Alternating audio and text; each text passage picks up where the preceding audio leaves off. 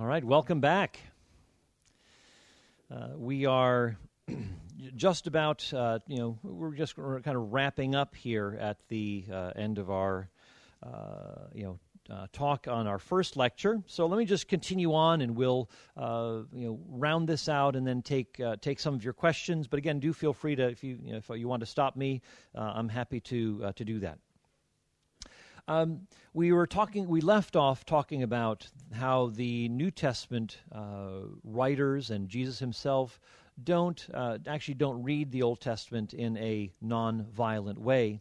Um, you know, we see uh, that there is a God ordained place, according to the Apostle Paul, for there to be punishment meted out by government, by temporal authorities, uh, and so Paul uh, says that the minister of the state does not bear the sword for nothing. Now, the sword is not uh, a metaphor for an officer's ticket book where he writes a ticket for speeding. Um, this is something much more severe. Now, some people say, no, this is all the tax collectors from Rome. They would carry this short sword with them um, and it was to basically reinforce the point that uh, you know you ought to pay your taxes. Now, I, I myself find this a considerable stretch.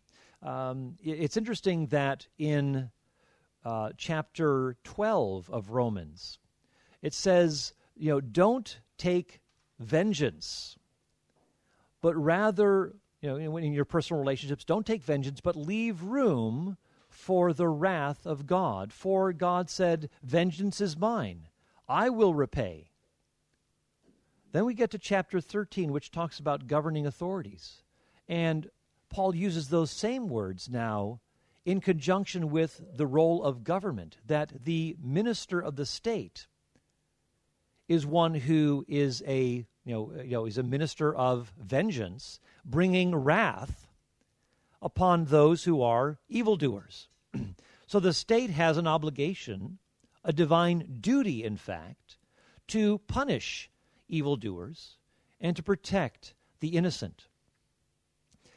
So, what Paul says you are not allowed to engage in in personal relationships, think of eye for an eye and a tooth for a tooth, that was a judicial uh, ruling that you that there's this law of proportionality, uh, and so Jesus is saying, don't use this as justification to return an insult for an insult. But if somebody slaps you on uh, you know on the right cheek, turn to him the other also. This is a picture of not violence, but rather it is a picture of shaming or humiliating someone when you slap them on the cheek. Jesus said, if somebody insults you or tries to shame you, be willing to take another one. Don't retaliate. Don't take personal. Don't be. Don't take personal vengeance.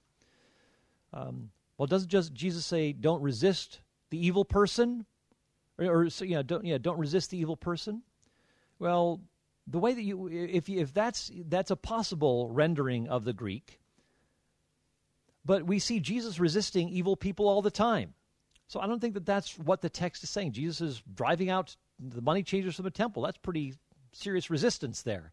Um, Jesus is resisting the religious leaders in, in Matthew 23, where he's, uh, he is condemning them. Woe to you, scribes and Pharisees, hypocrites.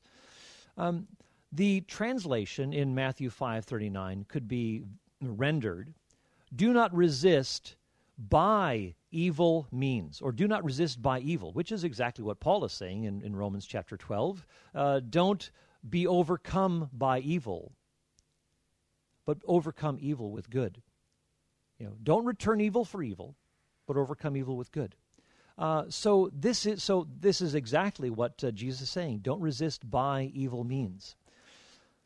But getting back to the apostle Paul, Paul himself sees that the government has a role uh, for protecting the innocent and, uh, and, and maybe even lethally stopping the guilty, uh, you know, the, the per, you know, criminals from doing their worst. Um, so when Paul is, his life is under threat in Acts 23, uh, when his nephew tells him that there is a plot on his life, he says to his nephew, Tell this to the commanding officer. And the commanding officer then gets a whole slew of you know, military men, you know, horsemen, uh, you know, uh, soldiers, spearmen, and he sends Paul with this protection of Roman military power up to Caesarea. And this is exactly what Paul was requesting that he be protected by those who are charged by God to protect the innocent and to punish the guilty. Uh, so we, we don't see Paul really engaged in a kind of a pacifism here. Uh, not, not so. Um, we also see some violent things, if you will, from uh, Peter. Uh, you know, with Ananias and Sapphira, where where he he condemns them for lying to the Holy Spirit and being greedy, uh, and uh, and so uh, so they are struck down by the you know, again by God. Uh, Paul also strike you know he he, he charges Elymas with you know with. Um, uh, you know, with uh, with uh, you know, being such a troublemaker, and and he is struck blind. the as I said, the eleven disciples uh, in seeking a 12th disciple to replace Judas, invoke the imprecatory Psalms. Uh, and and so they use that very language. Uh, you know, again, these followers of Jesus. Um, Paul and Jesus use severe language. You know, children or son of the devil. Um, you know, and uh, and Paul, you know, will even use harsh language about those Judaizers that he wishes they would go the whole way and emasculate themselves or mutilate themselves. Um, and in the end, in Revelation, Babylon, after there is judgment rendered, there is actually a call for, it's almost a, a rejoicing of relief. Finally, there's an end to oppression. Finally, there's an end, and a call for rejoicing that God has brought judgment upon this world system. John Stott, as he comments on the imprecatory Psalms, I think that's very wise. He says, We cannot desire this, their salvation, the salvation of the wicked, uh, in defiance of their own unwillingness to receive it. This is the heart of the matter. We should earnestly desire the salvation of sinners if they would repent, and equally and earnestly desire their and our destruction if they or we will not. So it's not just those people out there, but it's actually looking at our own lives and saying, if I conduct myself in that way, then judgment should come to me. So we see in the New Testament, as well as the Old, this portrayal of God who is both kind as well as severe. It's not as though God is severe in the Old Testament and kind in the New Testament. In fact, we see lots of scriptural texts in the, New, in the Old Testament where God is portrayed as gracious and compassionate, slow to anger, abounding in loving kindness. God waits for a long time to bring judgment. He waits, and we'll see this later on, he waits for you know, over 400 years before finally bringing judgment upon the Canaanites. The time was not ripe to bring judgment upon the Canaanites. God was waiting for hundreds of years, which also involved the enslavement of his people in Egypt in order for this time to actually come. So we, uh, you know, we, we do have this, uh, this, this common theme uh, and, and I, I, have this quotation from John Goldingay, a noted Old Testament scholar. So let me you know, just read this through with you. Uh, many modern people don't like the way the book of Joshua portrays Joshua as leading Israel and killing many Canaanites. But there's no indication that the New Testament shares this modern unease. And this is, you know, what Eric Seibert and Peter Enns are, you know, feeling squeamish about. But the New Testament doesn't really have this kind of squeamishness. Um, uh, the New Testament portrays Joshua as a great hero and portrays God's violent dispossession of the Canaanites as part of the achievement of God's purpose in salvation. If there is a contradiction between loving your enemies and being peacemakers on the one hand, and Joshua's undertaking this task at God's command on the other, the New Testament does not see it. Now, I'm not saying that there aren't changes between the Old and New Testaments. We do have capital punishment under a theocracy in Israel in the Old Testament, but we have you know, say for adultery, that's the maximum penalty. It could be lessened, but it, but uh, certainly um, that would the, that was the maximum penalty. But in the New Testament, in with the people of God, church discipline and excommunication is what uh, what is uh, what is commanded for those who are you know for those who are adulterers uh, within the church. Uh, First Corinthians chapter five uh, would be an example of that um, you know, God in the Old Testament does permit uh, certain inferior moral structures like patriarchy uh, and so forth. But uh, you know, but but you know, and Paul and Jesus himself acknowledges that certain Mosaic legislation was in place because of the hardness of human hearts, not because it was the ideal, but because you know, just taking into account uh, fallen uh, human social structures that, uh, you know, and so you, we see God pointing people to the ideal, kind of meeting them halfway between their, their fallen social structures and also what the ideal is, and so God pointing them to uh, a better way. So, uh, so I, I, think it is interesting, however, that those who, you know, I mean, uh, to your to your point, Karsten, as you were talking about, well, this makes the problem worse, it seems, that the God of the New Testament is, is continuous with the God of the Old Testament and that there is violence in the New Testament as well. But I think it is very interesting that as you look at the, for example, the impact that the Christian faith has made in Western civilization, with, you know, as I've talked about, human rights and democracy and moral reforms and so forth, they're reflecting the spirit of Jesus there is this reflection of, of, of caring for those who are marginalized, of, of, of, defending their rights, of, of looking out for those who can't protect themselves. They are in the spirit of Jesus who ate with the marginalized, the tax gatherers and sinners and so forth, recognizing the fundamental equality of all people rather than living according to this kind of religious or social elitism. So we have uh, Jesus modeling that for us and people who follow in his footsteps, recognizing the image of God in all people, that, uh, that Christ is the Savior of the world, uh, that, that, that all people uh, you know, are, are, are, um, you know, you know, are uh, loved uh, by God, that all people are, uh, you know, are, are the objects of God's affection. So we ought to treat one another as, as those who are made in the image of God and defend the rights uh, of those who cannot defend themselves and to show them that God is, uh, has not forgotten about them. So those are a few thoughts on this topic of the uh, the God of the Old Testament versus the God of the New, and we see both kindness and severity. It kind of reminds me of what, uh, what we uh, read in C.S. Lewis's uh, book, The Lion, Witch, and the Wardrobe. Uh, where there is this, you may have read this or seen the movie, where Mr. Beaver is describing Aslan, this Jesus figure, to Lucy, who wants to know what is Aslan like. And so Lucy asks him, uh, Well, is he safe? And Mr. Beaver says, Safe? Who said anything about safe? But he's good, I tell you. He's the king. And I think this is a marvelous reminder of you know, Jesus himself. Not safe. As N.T. Wright says, Jesus is very scary. Um, and uh, Jesus does not let us sit contented. He is always challenging us, or he should always be challenging us. If we don't find ourselves challenged by Jesus on a regular basis, let's examine ourselves to see whether we're in the faith. Jesus is one who is constantly provoking his disciples and should be constantly provoking us by his Spirit. Uh, and so, uh, so while Jesus is good, he is not safe. and this is only fitting for someone who is the cosmic authority. Well, thanks for listening. Any questions or comments from you all on this uh, portion of the lectures?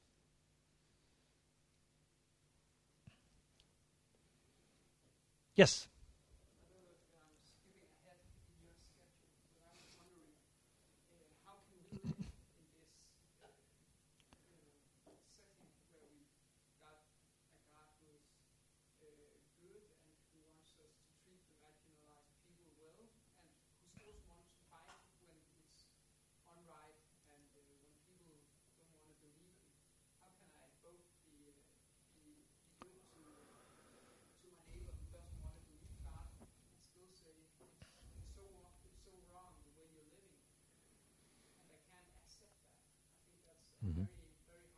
Yeah.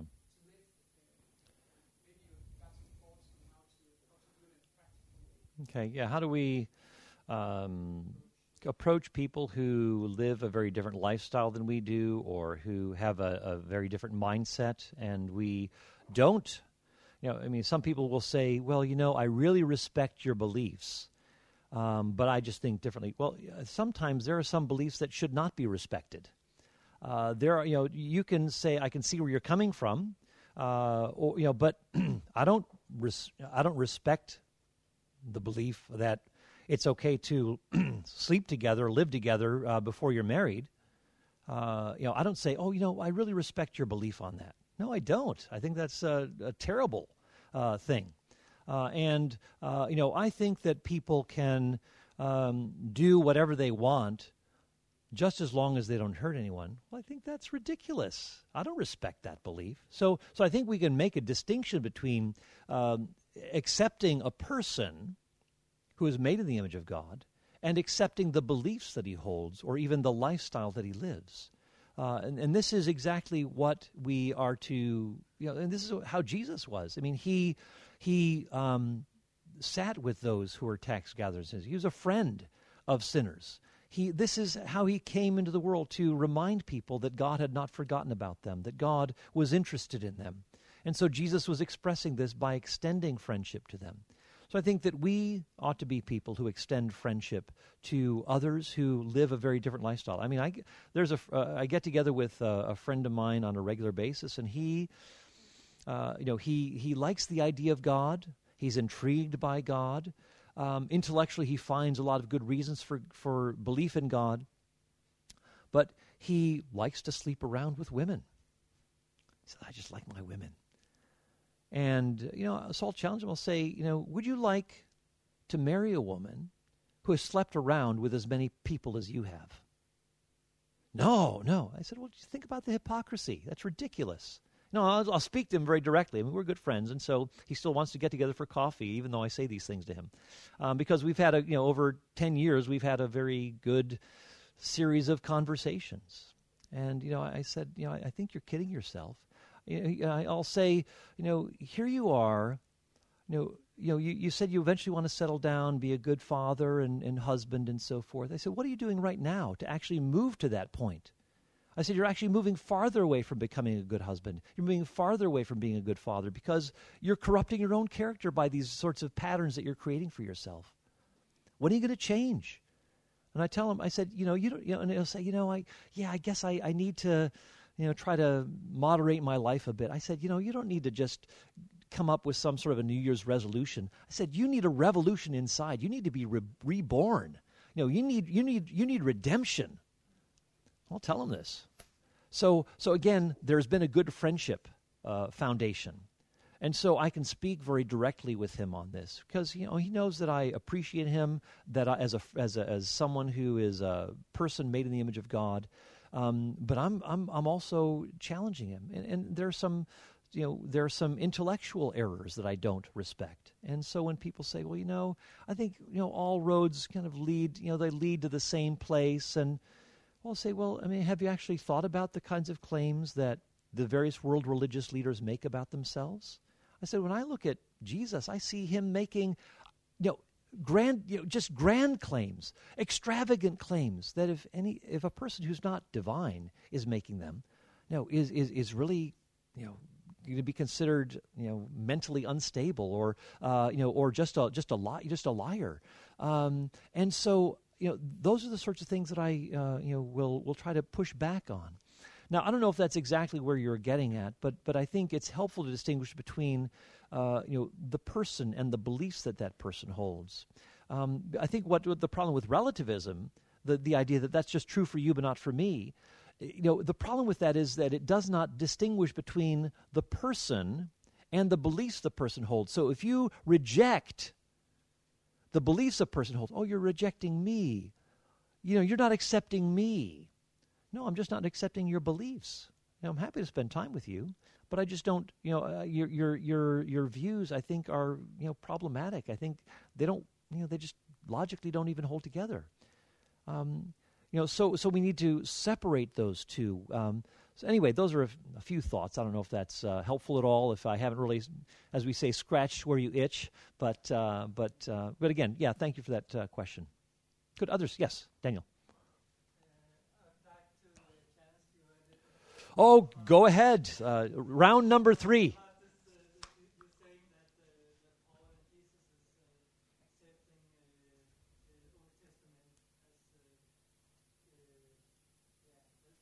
Yeah,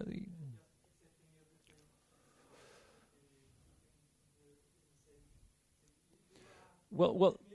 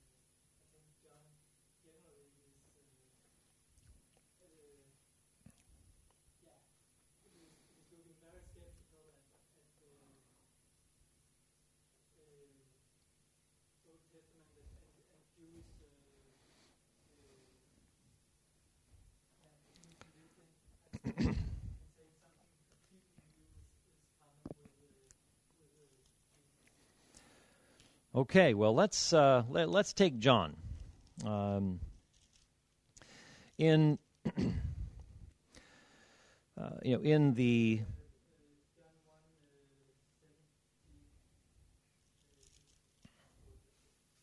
right yeah um, in the you know, as we read in the uh, you know in the the Gospel of John, you know we we do see that uh, Jesus is uh, you know highlighting uh, you know the I mean you know, just even, let me just go back to let's go to John one. Uh, it's interesting that the words grace and truth uh, you know, chesed va'emet, uh, is actually taken from the Old Testament.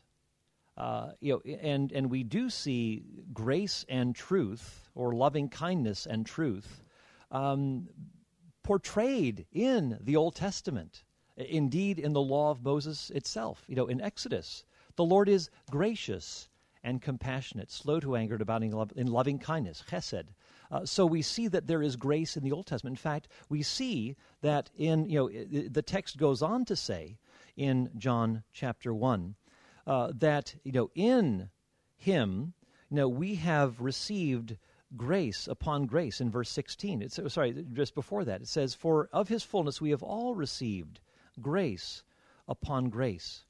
Uh, you know, I think rather than seeing the law as negative, we see the law as a manifestation of grace. And that's why I think we're talking about grace upon grace, that uh, this grace anti, or in the place of grace, uh, the New Testament text uh, indicates, is that we're not seeing you know, uh, a, a departure from, you know, the law itself is a manifestation of grace. I am the Lord your God, Exodus 20, who brought you out of the land of Egypt. You shall have no other gods before me.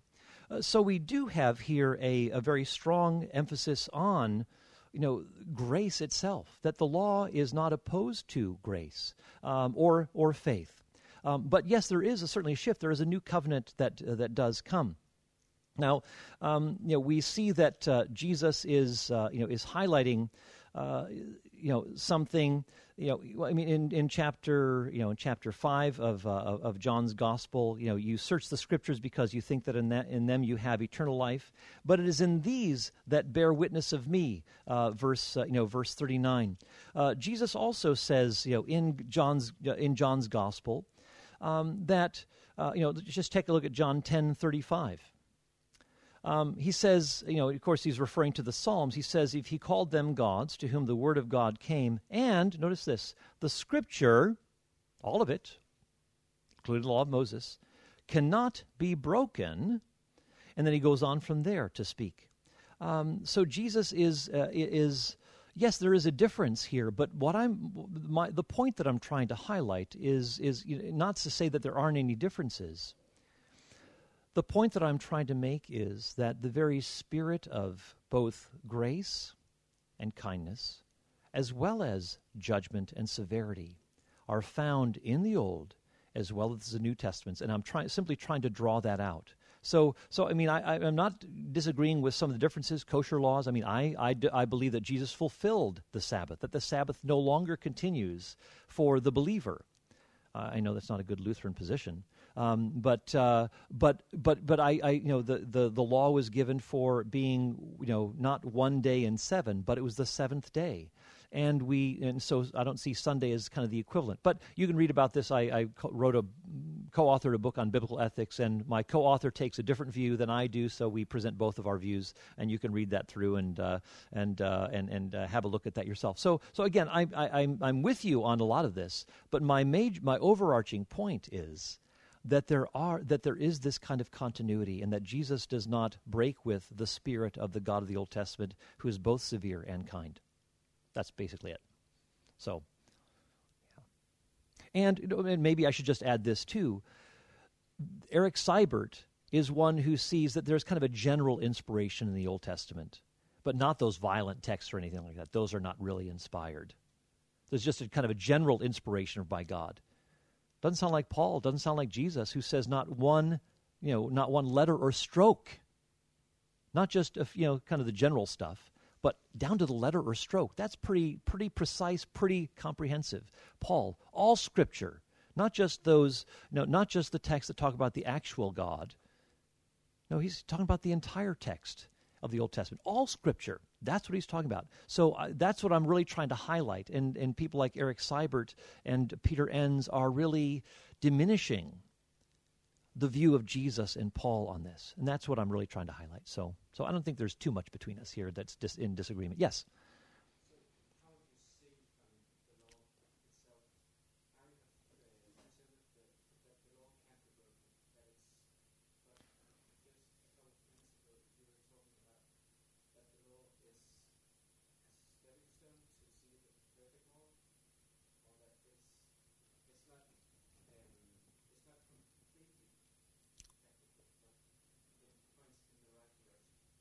Yeah, oh, oh, yeah, it does. I mean, when it talks about the scripture cannot be broken, this is this is God's word for God's people, and to say no, it really wasn't. Um, you know, it may it, it was uh, the law was something that was given for the people of Israel at a particular time for the people of God that had its place, and now it is moving on to you know not having the law of Moses as what shapes the uh, the you know the the thinking of the people of God as their manifesto, if you will.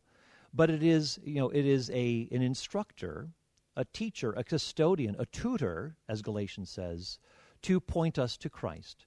So it, you think of it like being a rocket booster, where a, where a spaceship goes off and it the booster has its place, but then it is detached and falls away that the law that was given at Mount Sinai, which does still reflect the kindness and severity of God, is not the, you know, you know, with circumcision, with food laws and so forth, that these are not the identity markers of the people of God any longer.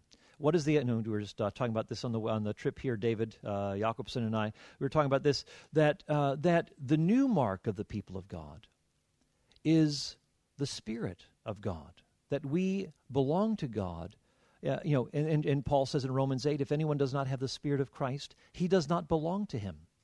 So this is the new mark of the people of God. And that if you live by, you know, love, joy, peace, patience, and so forth, that there is no law against those things. Uh, and so this is precisely what Paul is uh, is trying to get at that that ultimately it's not the law that defines us as the people of God, but it is faith, as it was with Abraham, as it is now today.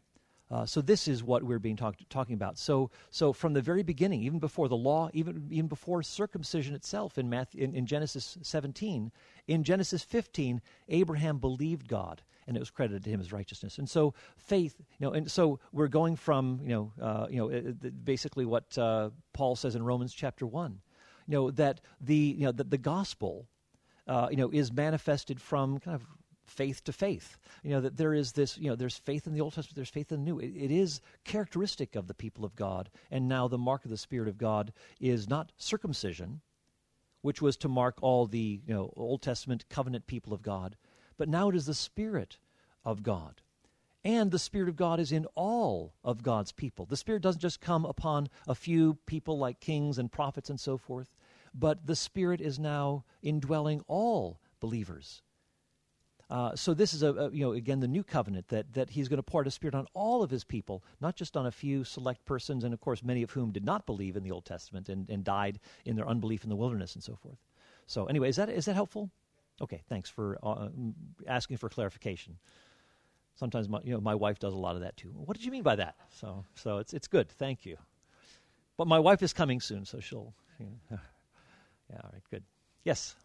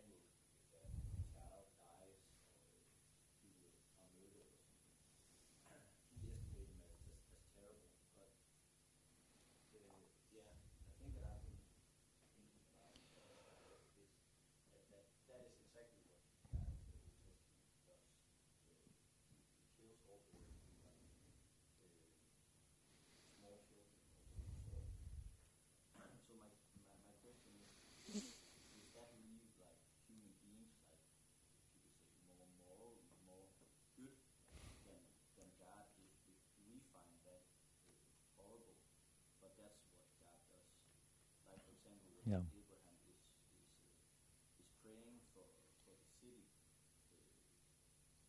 yeah, keep living.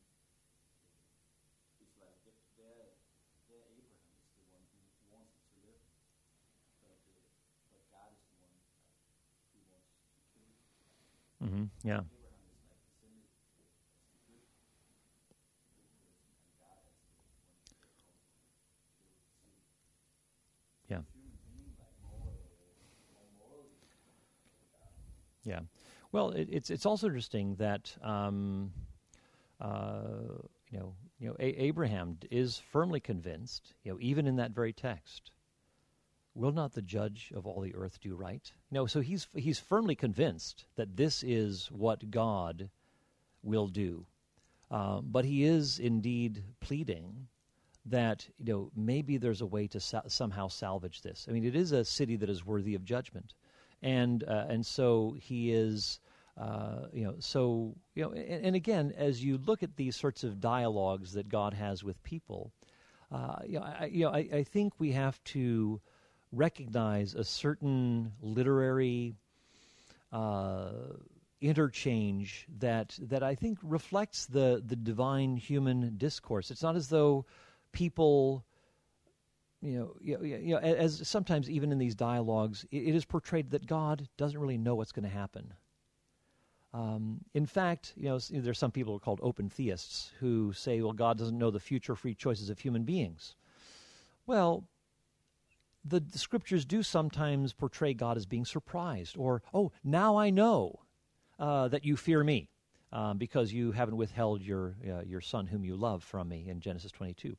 Um, well, does that mean that God really didn't know that Abraham feared him? Well, no, I think you can talk about how God, you know, it, it's kind of like this is you know you have proven yourself uh, you know that that you know, that that he has gone through this test successfully. And so you can that language is a little bit loose uh, in that God you know you know God knew how things would turn out. But but this is part of the divine human uh, dialogue that we see portrayed and you know for I think powerful for a powerful literary effect uh, for that you know and, and I think in the same way we see that with Abraham uh, that this is how God is engaging him. In fact in that very text itself in Genesis chapter 18 God is saying, you know, we've got these three persons who come. They're representatives of Yahweh. They're, uh, you know, that uh, you know the Lord comes, and now two, you know, um, you know, two of them go to, you know, will end up going to uh, to Sodom. One has gone to Gomorrah, um, but God is saying to Abraham, you know, He says, you know, that there that the wickedness has ascended to me. He says, and I have come down, you know, so that I may know whether this is so and you know and and if it is then i will know. I mean for the open theist who says god can't know the future free choice of human beings here if you take that text literally you're going to have to say that god doesn't even know the present that he's got to go and figure this out find out on his own he's got to do his uh, investigation. So so again i think we have to be careful about how this language is actually being um, utilized and not to press it too far um, but but I but your point is well taken that uh, that there you know it seems like David when you know Uzzah touches the ark. God, how can you do this? He's angry. Seems like David is more concerned about Uzzah's life than God is. So, which I, I think we should probably begin to transition into our next um, lecture because we're uh, like like like the Egyptian mummy. We're pressed for time. Uh, and, but but there's one more question, so maybe we just take that and then we'll move into this because we will cover a number of these things uh, in, in in more detail. Yes. Okay. Part of the problem is that we assume that the Western understanding of knowledge is the same or equivalent Mm. to the Old Testament Mm-hmm. understanding of the verb to know, Mm-hmm. Mm-hmm. the noun knowledge. Yeah. But the, the Hebrew verb yadah Mm-hmm. in some aspects very different from our Western. Mm-hmm. Mm-hmm. Yeah. Yeah. We, we assume knowledge is often theoretical knowledge. Yes. Yes.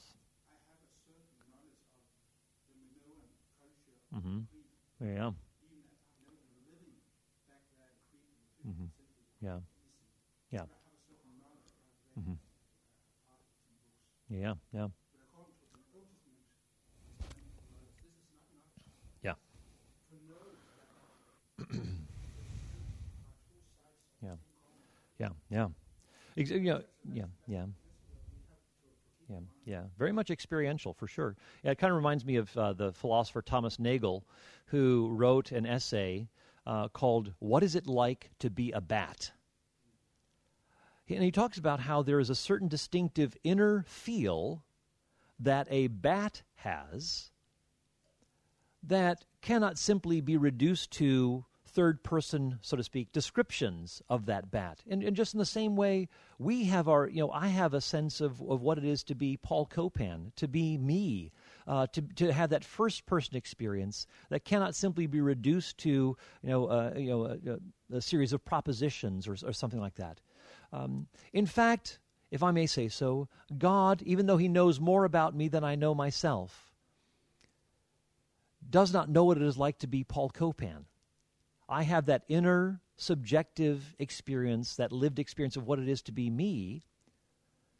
And of course, if God, you know, it would be a problem if God had that experience because he would think that he was Paul Copan. Of course, that would not do theologically.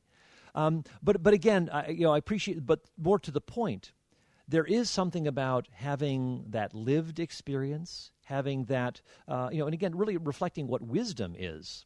That wisdom is a skill for living.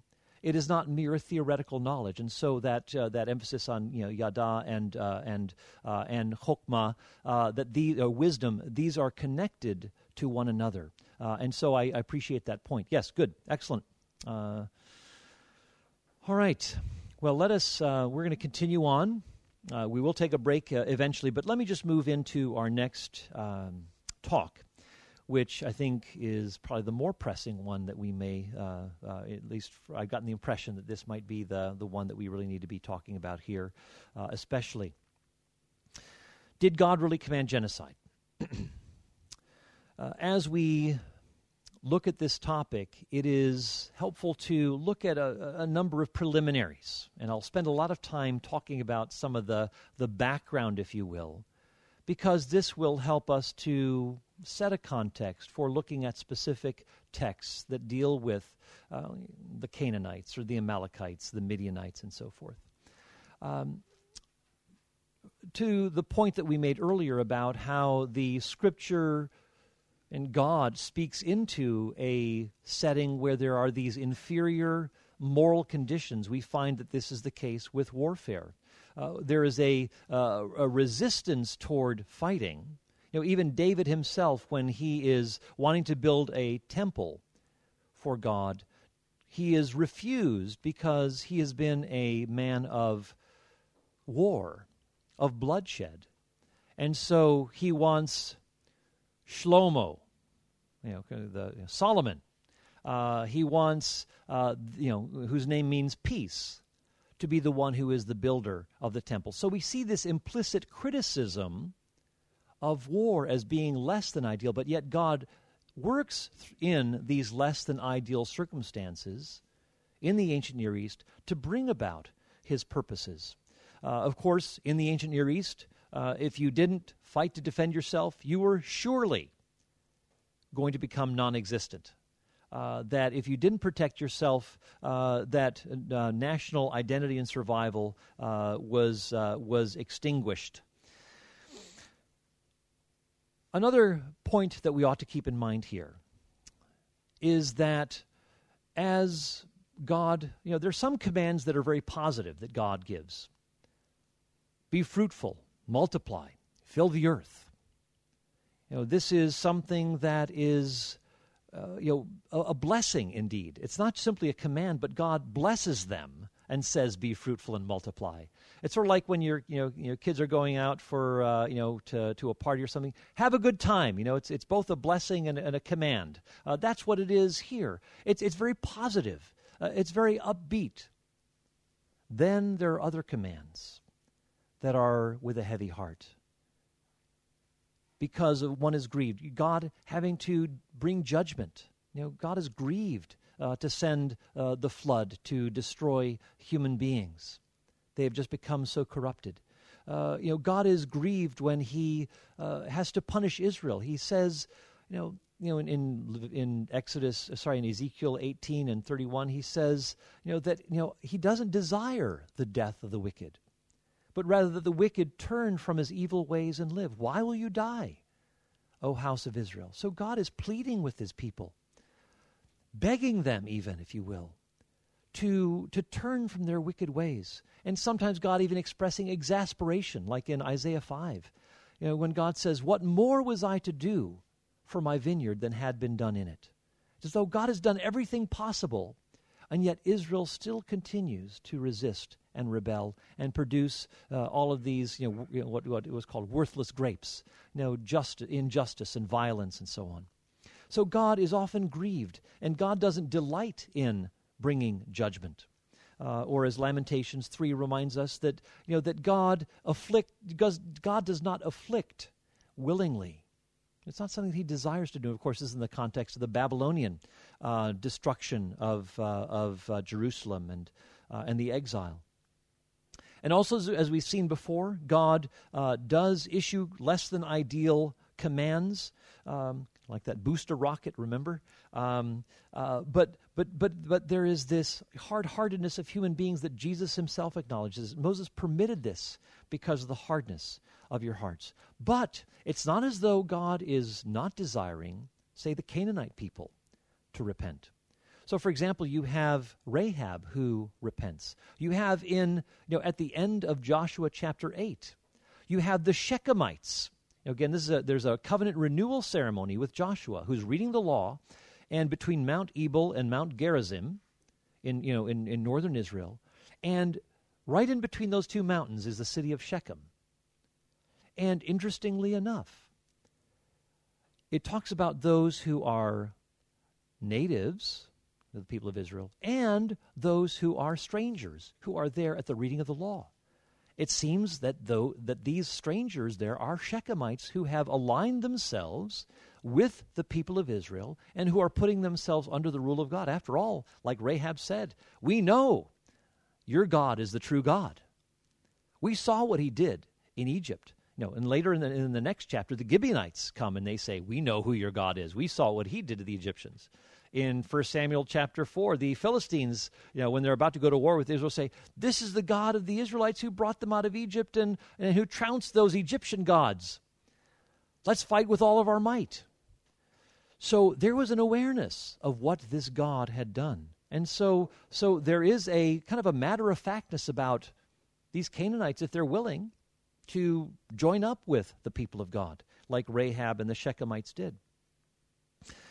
Now, uh, in chapter 7 and chapter 20 of Deuteronomy, we see language. In fact, let me just uh, read, uh, you know, read one of these texts for us. Uh, from uh, let's just take a look at Deuteronomy 7. Deuteronomy 20 is similar uh, to it, but but we'll actually come back to um, Deuteronomy 7. now we'll start at verse 1 of, of Deuteronomy uh, chapter 7, uh, or the, uh, um, or as, the, as you all like to say, the, like the Germans do too, you know, the, the fifth book of Moses here. Um, okay, Deuteronomy 7 1. When the Lord your God shall bring you out of the land where you are entering to possess it, and shall clear away many nations before you the Hittites, the Girgashites, Amorites, Canaanites, Perizzites, Hivites, and Jebusites, seven nations greater and stronger than you and when the Lord your God shall deliver them before you, you shall defeat them. Then you shall utterly destroy them. You shall make no covenant with them and show no favor to them. Furthermore, you shall not intermarry with them. Uh, and then it goes on to say, uh, you know, you shall tear down, verse 5, you shall tear down their altars, smash their sacred pillars, hew down their asherim, uh, burn their graven images with fire, um, and so forth. Uh, this, you know, and, and what actually, this kind of sets us up for discussing the language of hyperbole here. Uh, that there is language that talks about utterly destroy, you know, Deuteronomy 20, leave alive nothing that breathes. But then it goes on to say, make no covenant with them, don't intermarry with them, don't adopt their ways. Sounds like there's almost this presumption that they're going to be around. Utterly destroy, but they're going to be around. Hmm, something to think about um, uh, something to put into our theological pipes to smoke uh, and think about. Um, but uh, we, we see that in these commands, and it's important to point this out because a lot of people will make the mistake oh, if God commanded it back then, then, oh, he can just as readily command it now. Well, no, this is part of God's unworking uh, or working out his purposes in salvation history that these are unique events kind of like god telling abraham leave ur of the chaldeans and go to the land that i will show you. Does that mean we think oh maybe god is calling me to uh, this place because of what he told abraham? That doesn't mean we can't learn lessons from this but it's not as though god is somehow telling me to do the same sort of thing to pick up everything and leave denmark. Yes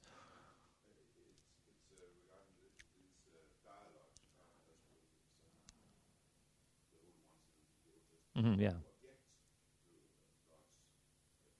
Mm-hmm, yeah. Yeah.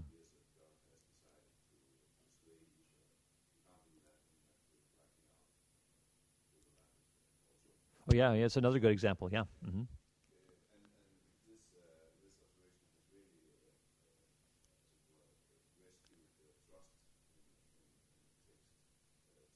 Mm-hmm.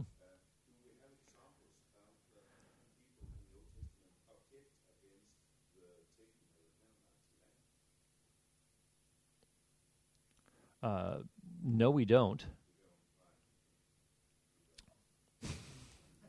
we have a lot of other people protesting what God does, though, and, and I think this is, you know, as I said, this is important to consider that uh, that God is not God is not one who immediately dismisses or condemns those who disagree with Him. And I think this is important for us to be talking about in our churches that God allows us to express our doubts. How often are the psalmists saying, I bring my complaint before you? God, why don't you listen to me? Where are you? You know, some of us may think, well, that's really irreverent. Well, look at the psalmists. Look at how they are articulating their f- faith, their um, hopes, as they see a world around them where there is injustice, where there is you know, where God seems to be asleep. You know, God, wake up! Immediately, the psalmists are saying, uh, you know, rouse yourself, do something. And you know, this is you know uh, the, the call for justice, for God to act. Um, you know, sometimes it's a it's a you know we're left scratching our heads, wondering, God, how could you command that? That just seems so so utterly strange to me. And uh, and and I think having the freedom to ask those kinds of questions and and not saying, don't say that about God. That's so irreverent. Um, no, God gives freedom, and and let's uh, let's I think encourage our people in the congregations to be asking questions. I, again, I'm not saying in a in a in a in a hostile and negative way, and always being critical. There are also many other things that we need to be focusing on too, not just you know the negatives. Yes.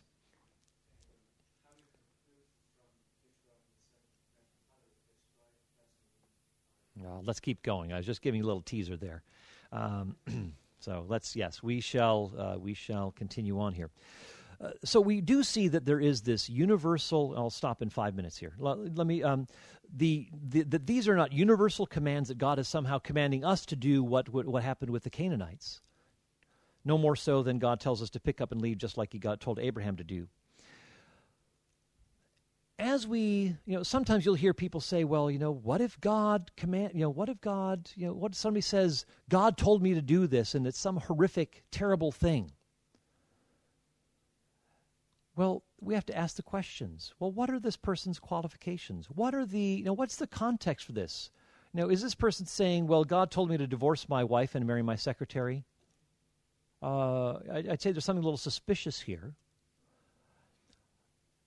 But Think of God's interactions with Moses from the burning bush onward, but especially as he goes to convince the Israelites that he is the one who is to lead them out of Egypt and into the land of promise. How does God reinforce this? Well, puts his hand into his cloak and out it comes leprous, and he puts it back in and it's whole again. Uh, you know, this, this, he throws down the serpent and uh, his rod, and it becomes a serpent, and so forth. And then things get even, you know, more powerful. You know, the you know the, the waters turning to blood, and and the you know the the gnats and the flies and the darkness, and of course the the uh, the the angel of death. And then, miracle of all miracles, the, cro- the parting of the Red Sea. And then there's manna every morning to, to feed the Israelites. Okay, except for the Sabbath, I know. But, uh, um, but you also have, in case there are any Canaanites who are wondering who these people are coming into our land, there is a pillar of cloud by day and fire by night over the camp of the Israelites. This should be freaky, scary, intimidating, alerting the people of the, the, land of Canaan that there is something unique about this God. Don't mess around with him. Fear him. What we have with Moses is a prophet who is credentialed, who has all of these marks of public verification. Not just, oh, God told me at the burning bush that we need to go in and, and, and destroy these Canaanites. We have the, those commands regarding the Canaanites that are surrounded by all of these signs and wonders. And those who contest Moses' leadership, they are, you know, 250 of them whew, swallowed up by the earth. Korah and his rebellion. So God is making it very clear that Moses is his agent, his, his uh, authority on earth for the people of Israel. And it is accompanied by public signs and wonders. So people say, well, what if God told other people to do this? Well, okay, let's, let's check out the signs and wonders, shall we? How are they doing in that department? The very strength of the command to drive out the Canaanites is reinforced by proportionally by the strength of the signs and wonders that are being given. We ought to pay attention to that. Not simply treat it as though, oh, you know, that doesn't matter. In fact, and I've, in my last minute, you know, a lot of people will say, but you know, those miracles didn't really happen. Well, then you've really gutted the entire narrative and the power of the narrative and the point of the narrative. And I like to say it's sort of like reading The Lord of the Rings and saying, well, you know, we can just take Gandalf out and take Frodo out, and, and we just read the story as, uh, you know, you know, uh, you know, apart from them. You do that, you've, you don't have a story, my friends. And in the same way you remove God, you don't have a story, my friends. The narrative doesn't hold together. It's precisely because God is acting, showing himself to be powerful, greater than the other gods, that those commands against the Canaanites start to have a kind of objective force to them. Anyway, it's time to stop. Let's take a 10 minute break, and we've got to finish up by 12, so we've got miles to go uh, or kilometers to go uh, before noon. So we'll take a break, come back, and then we'll try to wrap up. But hopefully, this is you know, moving us in some clarifying directions. Thank you.